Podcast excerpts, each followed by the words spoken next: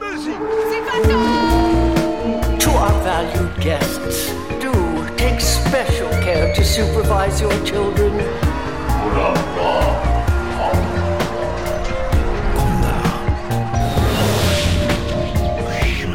Het is weer ochtend in Pretparkland. Goedemorgen pretparkland en welkom bij je ochtendelijke pretpark podcast. Mijn naam is Erwin Taats en Dennis Jans en ik hebben het vandaag over wat we nog missen.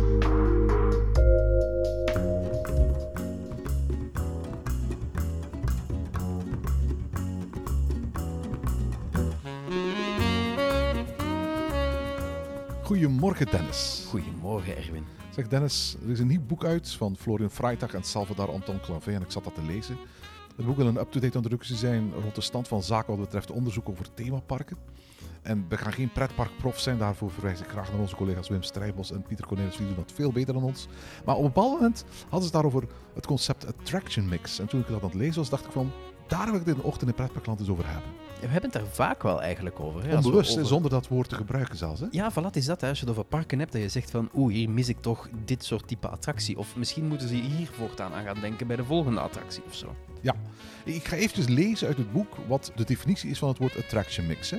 Zij definiëren het als de verscheidenheid aan thema's, ervaringen en attracties in een bepaald themapark. En de attractiemix wordt gewoonlijk langs twee lijnen gemeten. Eén, de verscheidenheid van de aangeboden ervaringen. En twee, het niveau van geavanceerdheid van de attracties en het publieksprofiel. Heel kort, kun je het vertalen naar normaal Nederlands? Ik ga een poging wagen. Hè. Dus aan de ene kant heb je de verscheidenheid van type ervaringen. Laten we het heel extreem noemen. Er is natuurlijk een groot verschil tussen een kinderdraaimolen en een sensationele B&M. Ja. En je hebt natuurlijk ook hoe gesofisticeerd die dingen zijn. Hoe zal ik het zeggen? Misschien eh, bijvoorbeeld thema kan een goed voorbeeld zijn. Hè? Hoeveel moeite er is gedaan om iets te kunnen thematiseren. Of is het eerder gewoon een kale attractie in een veld neergezet? Je kunt het ook op heel wat andere dingen hebben. Je kunt het technisch heel erg ingewikkeld maken. Je kunt ehm, heel wat verhaallijn eraan toevoegen en dat soort dingen. Zo kun je Juist. heel veel manieren een attractie gesofisticeerder maken. Ja, bij Imagineering maken ze de onderscheid tussen dreamers en screamers. Dreamers zijn attracties waar je ondergedompeld wordt en waar je meegenomen wordt naar een andere wereld. Screamers zijn attracties die puur draaien rond de adrenaline. Maar uiteraard snapt iedereen dat daar een heel grote nuancering zit tussen beide extremen. Hè? Mhm, Je kunt bijvoorbeeld een, eh een tamed hebben, dat noem ik een screamer. Ja. Zonder heel veel dreaming erbij. Er zit een klein laagje overheen natuurlijk. Maar je hebt ook dingen die echt helemaal dreamen zijn. Pirates of the Caribbean, Phantom Manor, dat soort type attracties. Fata Morgana. Ja. Eh, maar je hebt er ook dingen tussenin. Hè? Want Tower of? Terror bijvoorbeeld. Tower of Terror, Hyperspace Mountain. Hoe Ja. noem je die de- Ja, zaken? Aan de ene kant heel mooi gethematiseerd, aan de andere kant ook best wel screamers. Er zit bij beide kanten natuurlijk een beetje een continuum in, om het zo te Van, noemen. absoluut. Die factoren zelf bepalen de attraction mix van een pretpark. Wat is nu de attractiemix? Dat is als het ware het geheel aan ervaringen, het geheel aan thema's en attracties die een bepaald themapark heeft. En dat is voor alle duidelijkheid altijd ondergeschikt aan het doelpubliek dat een pretpark voor ogen heeft. Niet elk pretpark hoeft dezelfde attraction mix te hebben. Je hebt een heel andere attraction mix voor ogen als je bijvoorbeeld je richt op tieners die vooral uit zijn op achtbanen, dan wanneer je bij spreken gezinnen met jonge kinderen ambieert in je park te krijgen. En dat zit in meer dingen dan alleen pretparken natuurlijk in de leisure. Ik bedoel, een, een family entertainment center ergens in de buurt, die gaat ook niet met een B&M afkomen. Want ja, die hebben een totaal ander doelpubliek van zeer jonge kinderen. En hun ouders die even ergens op het terrasje willen zitten en gewoon hun kinderen willen laten spelen. Juist, daar zijn de ouders de dreamers en de kinderen de screamers. Hè? Voilà, dus dat inderdaad. En Nu zijn we echt aan begripsverwarring aan het doen. maar inderdaad, eh, wat we gaan doen is eventjes eh, een, een, een, kijken naar de attraction mix van de verschillende pretparken. En deze vraag proberen te beantwoorden. Welk attractietype heeft elk park, en we hebben er tien op een rijtje gezet, nodig om zijn attractiemix te verbeteren en aantrekkelijk te worden voor zijn huidige doelgroep? En dat gaan we nu beantwoorden in deze aflevering voor, voor tien parken. Voor Toverland, voor Fantasieland, voor de Disneypark in Parijs, voor Europa Park, voor Plopsaland, voor Bobbejaanland, voor Bellewaarde, voor Walibi Belgium, voor Walibi Holland en voor de Efteling. Voilà, en dat zijn bij al die parken ook wel parken met een toch wel redelijk ander doelpubliek en ook een ander ja, doel voor ogen als ze attracties plaatsen. Hè. Als in, eh, in de Efteling een achtbaan wordt gebouwd, dan heet dat staal met een verhaal. Juist. Maar zo kun je het niet in Walibi Holland noemen. Hè. Nee, het gaat dus niet om welke attractie het park beter zou kunnen toevoegen om zijn concurrentie slimmer af te zijn. Of welke attractie wij graag zouden zien verschijnen, maar welke attractie wij vinden dat de attractiemix voor de huidige doelgroep, zonder die doelgroep te veranderen, het beste zou dienen. En een goede attractiemix verlengt de length of stay, verhoogt de gepercipieerde financiële waarde van een bezoek en versterkt de merkbekendheid bij de juiste doelgroep van het park. Dus het gaat uiteraard wel om onze mening, maar het ging niet om onze favoriete attracties. Want vooral duidelijkheid, als je aan mij vraagt van wat moet een park toevoegen, ga ik bijna altijd, moet ik zelf kiezen, zeggen van een dark ride. Of eh, een spectaculaire B&M. Maar goed, zo, dat is een beetje te groot dromen bij heel veel parken. hè. Ja, maar dat mag in dit geval niks uitmaken eigenlijk. Stel dat we vinden dat Drouwener Zand, bij wijze van spreken, er goed aan zou doen om een BNM te bouwen, dan moeten we het ook kunnen zeggen. Eh, wel, ik, ik, ik vind het een behoorlijke uitdaging om in dat park een, eh, een B&M te zien verschijnen. Hoewel er toch wel wat van die junior B&M's verschijnen de ja, laatste de laatste jaren is Dus, dat eh, wel een, een populair iets. Hè. Daar, daar, daar kunnen ze inderdaad wel parken zoals Chessington en zo mee, mee binnenhalen de laatste tijden. Goed, Erwin, met welk park zullen we eens beginnen eigenlijk? Ik had hier bovenaan Tover... Ik had ze zo in een willekeurige volgorde gezet. Ik had bovenaan Toverland gezet. Welke attractie, denk jij, voor de huidige attractiemix heeft Toverland nodig? Ik misschien ook een beetje de vraag stellen, wat denken wij dat het doelpubliek is van Toverland? Ik denk persoonlijk dat het eerder de gezinnen zijn met de relatief jonge kinderen. Dan zeggen iets minder de, de, de tieners, zeg maar. Hoewel die daar ook wel tegenwoordig steeds Als meer aan trekken kunnen. zodra je een, een achtbaan als Phoenix zet, krijg je voor een deel tieners over de vloer. Mhm. Maar de vraag is natuurlijk, is dat de core audience van Toverland? Dat denk ik niet. Ik denk het ook niet eigenlijk. En ik denk dat je daardoor ook heel veel mensen hebt die in het park rondwandelen, die op zoek zijn naar attracties die het hele gezin kan doen, omdat ze er simpelweg met een gezin zijn. En ze willen ook dingen samen beleven. Als mama of kleine zusje niet in eh Troy durft of eh, grote broer een andere attractie te suf vindt, dan sta je er met de helft van je gezin in de wachtrij of in de attractie, terwijl de andere helft staat te kijken. Dus dan wil je misschien een type attractie hebben die ehm, eh, voor het hele gezin geschikt is. Dus wat mij betreft heeft Toverland nog een attractie nodig die eerder in die Dreamer-categorie zit, maar wel met, het, hoe zullen we het zeggen, het gesofisticeerde laagje wat Toverland tot nu toe wel al redelijk heeft kunnen doen. Hè. Ik bedoel, Avalon bijvoorbeeld, dat is een, een themagebied waar wel wat verhaallijn in zit, dat er ook best wel netjes uitziet.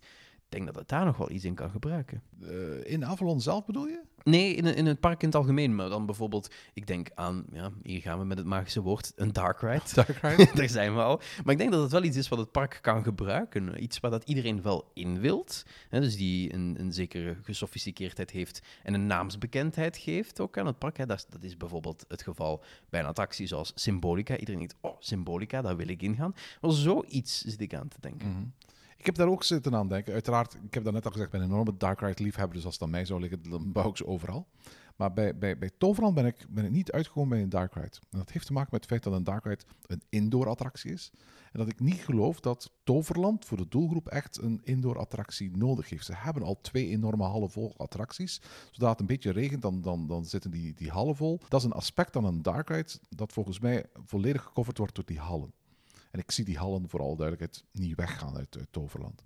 Maar je hebt wel een correcte analyse gemaakt. Volgens mij hebben ze wel meer attracties nodig. Ook bovenop de attracties die ze dit jaar toevoegen, die echt voor de hele familie bedoeld zijn. Want de meeste attracties, ook die ze dit jaar toevoegen, zijn echt geen familieattracties. Maar die een heel klein deeltje van het publiek gaan aanspreken.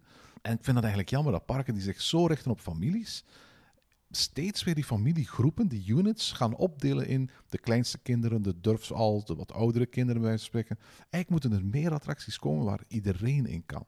En Dark Ride is volgens mij heel duur en, en gezien de, de grote aanwezigheid van overdekte plekken niet nodig. Eigenlijk zou het heel fijn zijn mocht dat park een trein of een monorail hebben. Het park begint steeds groter te worden. Ik denk dat het ook heel fijn is om dat park op een andere manier te bekijken dan gewoon te voet er doorheen wandelend. En het is ook iets wat je kunt doen met oma, met de allerjongste kinderen, met, met, met, met eigenlijk iedereen in de familie. En volgens mij zou het echt passen bij een park als Toverland. Perfect aansluiten bij de attractiemix dat het op dit moment heeft. En aansluiten op de doelgroep zou volgens mij een rustig vervoerssysteem door het park de beste optie zijn voor Toverland.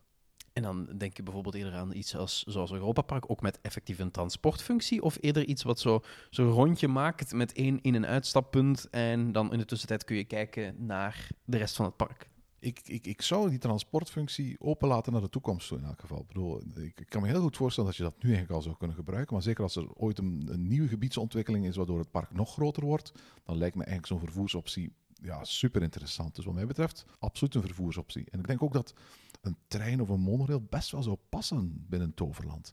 Je moet een beetje die toverthematiek geven, maak er een betoverde treinwagon van of zo. Maar volgens mij zou het uitstekend zijn voor Toverland om zoiets aan te bieden.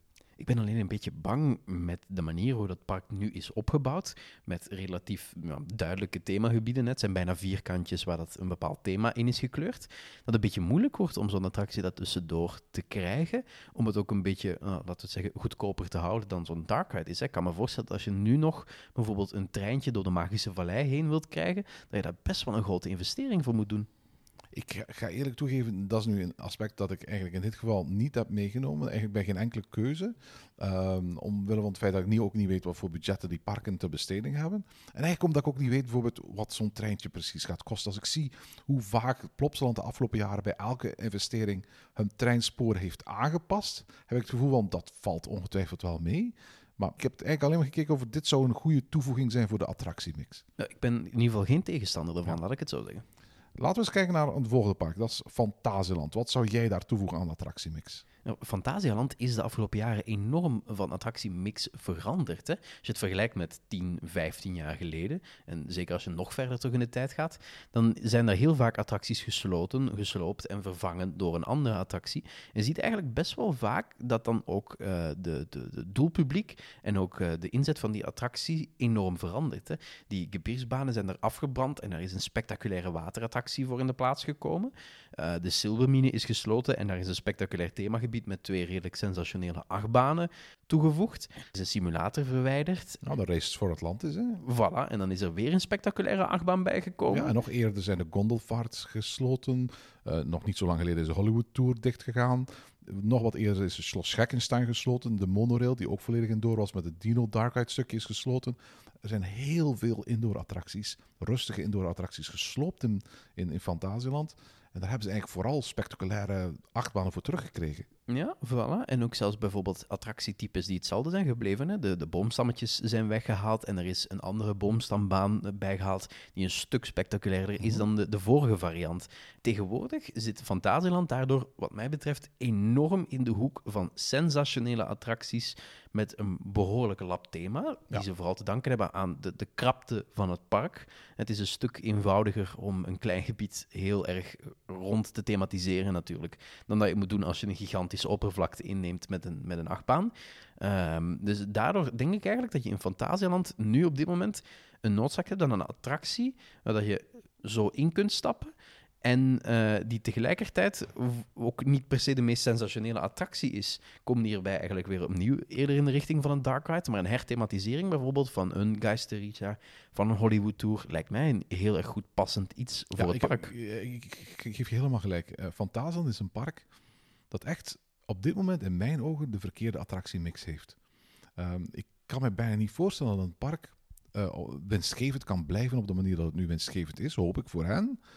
Door eigenlijk die attractiemix van, van een park dat bedoeld is voor families met kinderen, te laten overgaan naar een attractiepark dat vooral jongeren trekt met zijn nieuwste investeringen. En, en, en dat zij winstgevend kunnen blijven, dat lijkt me eigenlijk een heel raar idee. Voor mij is dat een fantastisch park. Ik kom er als persoon heel erg graag. Ik vind het prachtig gethematiseerd, vind er fantastische attracties hebben.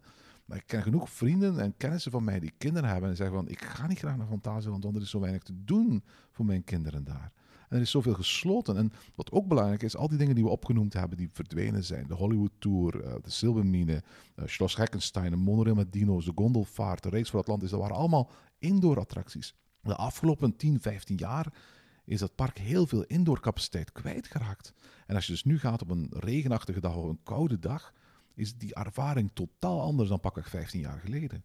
En daarnaast ook nog eens, ik denk als je hier een beetje, ja, hoe zou het zeggen, de, de balans zou maken en iedere attractie bijvoorbeeld een puntje zou geven als die, laten we zeggen, in de categorie trail of kinderattractie valt, dan denk ik dat die balans nog iets beter meevalt dan we het hier voorstellen. Waarom? Er zijn wel wat kinderattracties, maar die zijn enorm slecht geplaatst. Je hebt daar die, die bovenste verdieping in het Woezetown, waar dat heel weinig mensen komen, en waar heel vaak attracties ook gesloten zijn, omdat het daar zo rustig is. Je hebt bijvoorbeeld een, een carousel die aan het begin staat van het park, waar je eigenlijk de rest van de dag niet meer hoeft te komen. Vind je dat waardevolle attracties? In de zin van dat, dat voelen echt van die attracties die neergezet zijn om hoekjes op te vullen.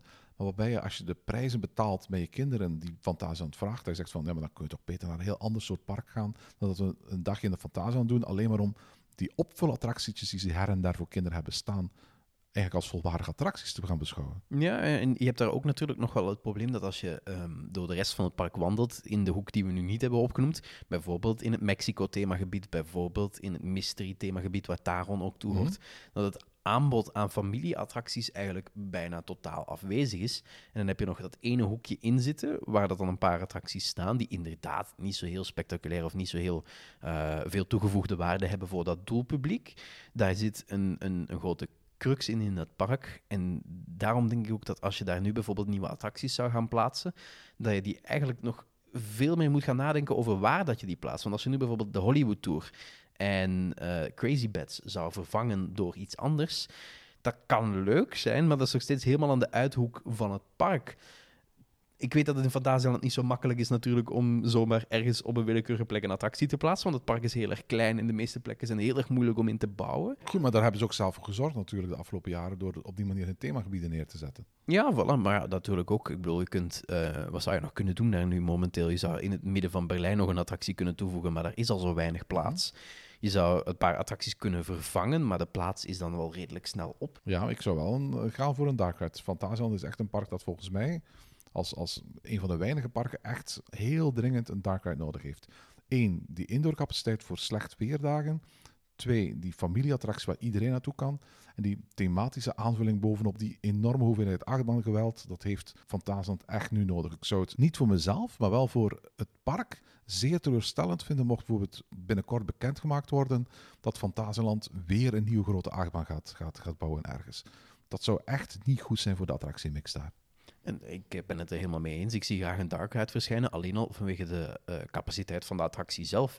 Heel vaak zijn dark rides toch wel capaciteitsmonsters. Niet altijd, maar wel vaak. En als je heel veel mensen er doorheen kunt verwerken, betekent dat dat de wachtrijen daar ook wat beter gaan meevallen. Want als je dan nu op een drukke dag rondloopt en je ziet 60 minuten bij Taron, 70 minuten bij andere topattracties, en dan denk je vaak ook, ik heb niet goesting om nog eens een keer een uur ergens voor één attractie in de rij te gaan staan. En dan sta je daar een beetje met je goed gedrag, want er, er blijft niet meer veel over voor de rest. Is waar, uh, Dennis, Disneyland Park in Parijs. Wat heeft dat nodig? Dus we negeren eventjes de Walt Disney Studios. Wat heeft het Disneyland Park nodig? Dat is een moeilijke, want ik, Disneyland Parijs heeft voor mij betreft best wel een gevarieerd attractieaanbod maar simpelweg niet zoveel attracties. Ligt er een beetje aan hoe je telt natuurlijk, want je hebt ook, eh, ik bedoel, als je in de app gaat kijken, dan zul je zien dat van die kleine passages, zoals die van Aladdin, ook als een attractie worden geteld, Mhm. maar dat laat ik hier even buiten beschouwing, dat vind ik nu niet echt een attractie. Ik vind het wel attracties, vooral duidelijkheid. En ik vind ook een toevoegen aan de attractieve waarde van, van Disneyland Parijs. Er zijn ook veel van dat soort zaken. Ik denk maar aan Fort Comstock, denk maar aan de Nautilus, denk maar aan uh, de wandeling die je kunt maken op de bovenste verdieping van het Château de la Belle Bois d'Ormont. Dat soort dingetjes. Oké, eentje daarvan is niet zo heel erg veel. Maar als je er een aantal gaat hebben en die met elkaar gaat combineren, worden dat echt wel attractieve ervaringen hoor. Ik vind het wel nog een beetje flauw om bijvoorbeeld op die manier te zeggen van, uh, zoals een park soms doet, we hebben meer dan 30 attracties. En als daar dan een groot gedeelte van bestaat uit dat soort uh, Nee, maar goed, dat is ook niet het geval bij Disneyland Parijs. De grote attracties overstijgen in aantal nog altijd die attracties. Hè? Voilà. En dit, laten we, als we eens kijken naar die grote attracties, dan hebben we daar toch al een aantal dingen met wat sensatie. Uh, in, in Indiana Jones, een Hyperspace Mountain, een Big Thunder Mountain. Je hebt een aantal dingen die echt aan die Dreamers kant zitten. Pirates of the Caribbean, Phantom Manor, It's a Small World kun je daaronder plaatsen. Mhm. Nu, ik denk dat dat park um, eigenlijk niet per se een bepaald type attractie nodig heeft, maar gewoon nieuwe dingen. Er zijn zo lang geen nieuwe attracties meer gebouwd dat het gewoon... Okay, maar dan is de vraag terug, wat voor soort nieuwe attractie heeft ah, het nodig? Want dus we gaan denk... wel ervan uit dat we een nieuwe attractie gaan toevoegen. Hè? Ah, wel, dus ik, ik denk dat we dan gewoon iets nodig hebben wat, wat sensationeel is en simpelweg nieuw. Want laten we eens kijken naar de sensationele attracties. Dat zijn allemaal attracties uit de jaren 90. Ja, absoluut, absoluut. En die zijn wat oud. En de techniek achter een Hyperspace Mountain, die gaat nog mee. Maar die is al lang niet meer zo innovatief als de meeste moderne achtbanen die worden gebouwd. Sterker nog, als de achtbanen die Disney momenteel op de rest van de wereld bouwt. Dus misschien iets in de richting van bijvoorbeeld wat nu uh, Guardians of the Galaxy is in Epcot. Dat lijkt me wel iets wat het park zou kunnen gebruiken om ook wat extra attractieve waarde toe te voegen. En voor mij uh, ga ik daarin voor een deel mee in de zin van dat ik vind dat Disneyland Parijs absoluut een capaciteitsvreter nodig heeft. Ik geloof echt dat het park aanzienlijk aan capaciteit mist. En dat merk je niet om door de weekse dag, maar zodra het een beetje drukker wordt, merk je dat aan alle wachttijden Disneyland Parijs is in vergelijking met de meeste andere kasteelparken ter wereld echt qua capaciteit aan de lage kant. En daar moet echt iets bij. Dus ik ben het eens dat een attractie als Cosmic Rewind voor capaciteit zou kunnen zorgen. Maar ik vind niet dat een attractie zoals Cosmic Rewind zou passen in Disneyland Parijs. Wat ik eigenlijk vind dat dit park qua capaciteitsmix mist, dat is een waterattractie. Ik vind het eigenlijk opzienbarend dat elk Disneypark ter wereld een waterattractie heeft, maar Disneyland Parijs niet. En dat terwijl het steeds warm wordt in de zomers. En terwijl je eigenlijk ziet dat in de omliggende landen, in, in andere parken, de waterattracties vaak de, de drukste en meest populaire attracties zijn van het hele park. Het moet nog maar 25 graden worden. En de wachtrij bij de Piranha en bij de Vliegende Hollander swingen de pan uit. Waarschijnlijk zijn de Imagineers ooit eind jaren 80, begin jaren 90 zo naar Parijs geweest op een aantal hele grijze, regenachtige dagen. En op basis daarvan hebben ze besloten, we gaan geen waterattracties bouwen. Maar ik denk dat Disneyland Parijs ondertussen echt wel toe is aan een goede waterattractie. Ik ben er voorstander van, maar het argument wat dan inderdaad altijd wordt aangehaald, is dat Disneyland Parijs het hele jaar door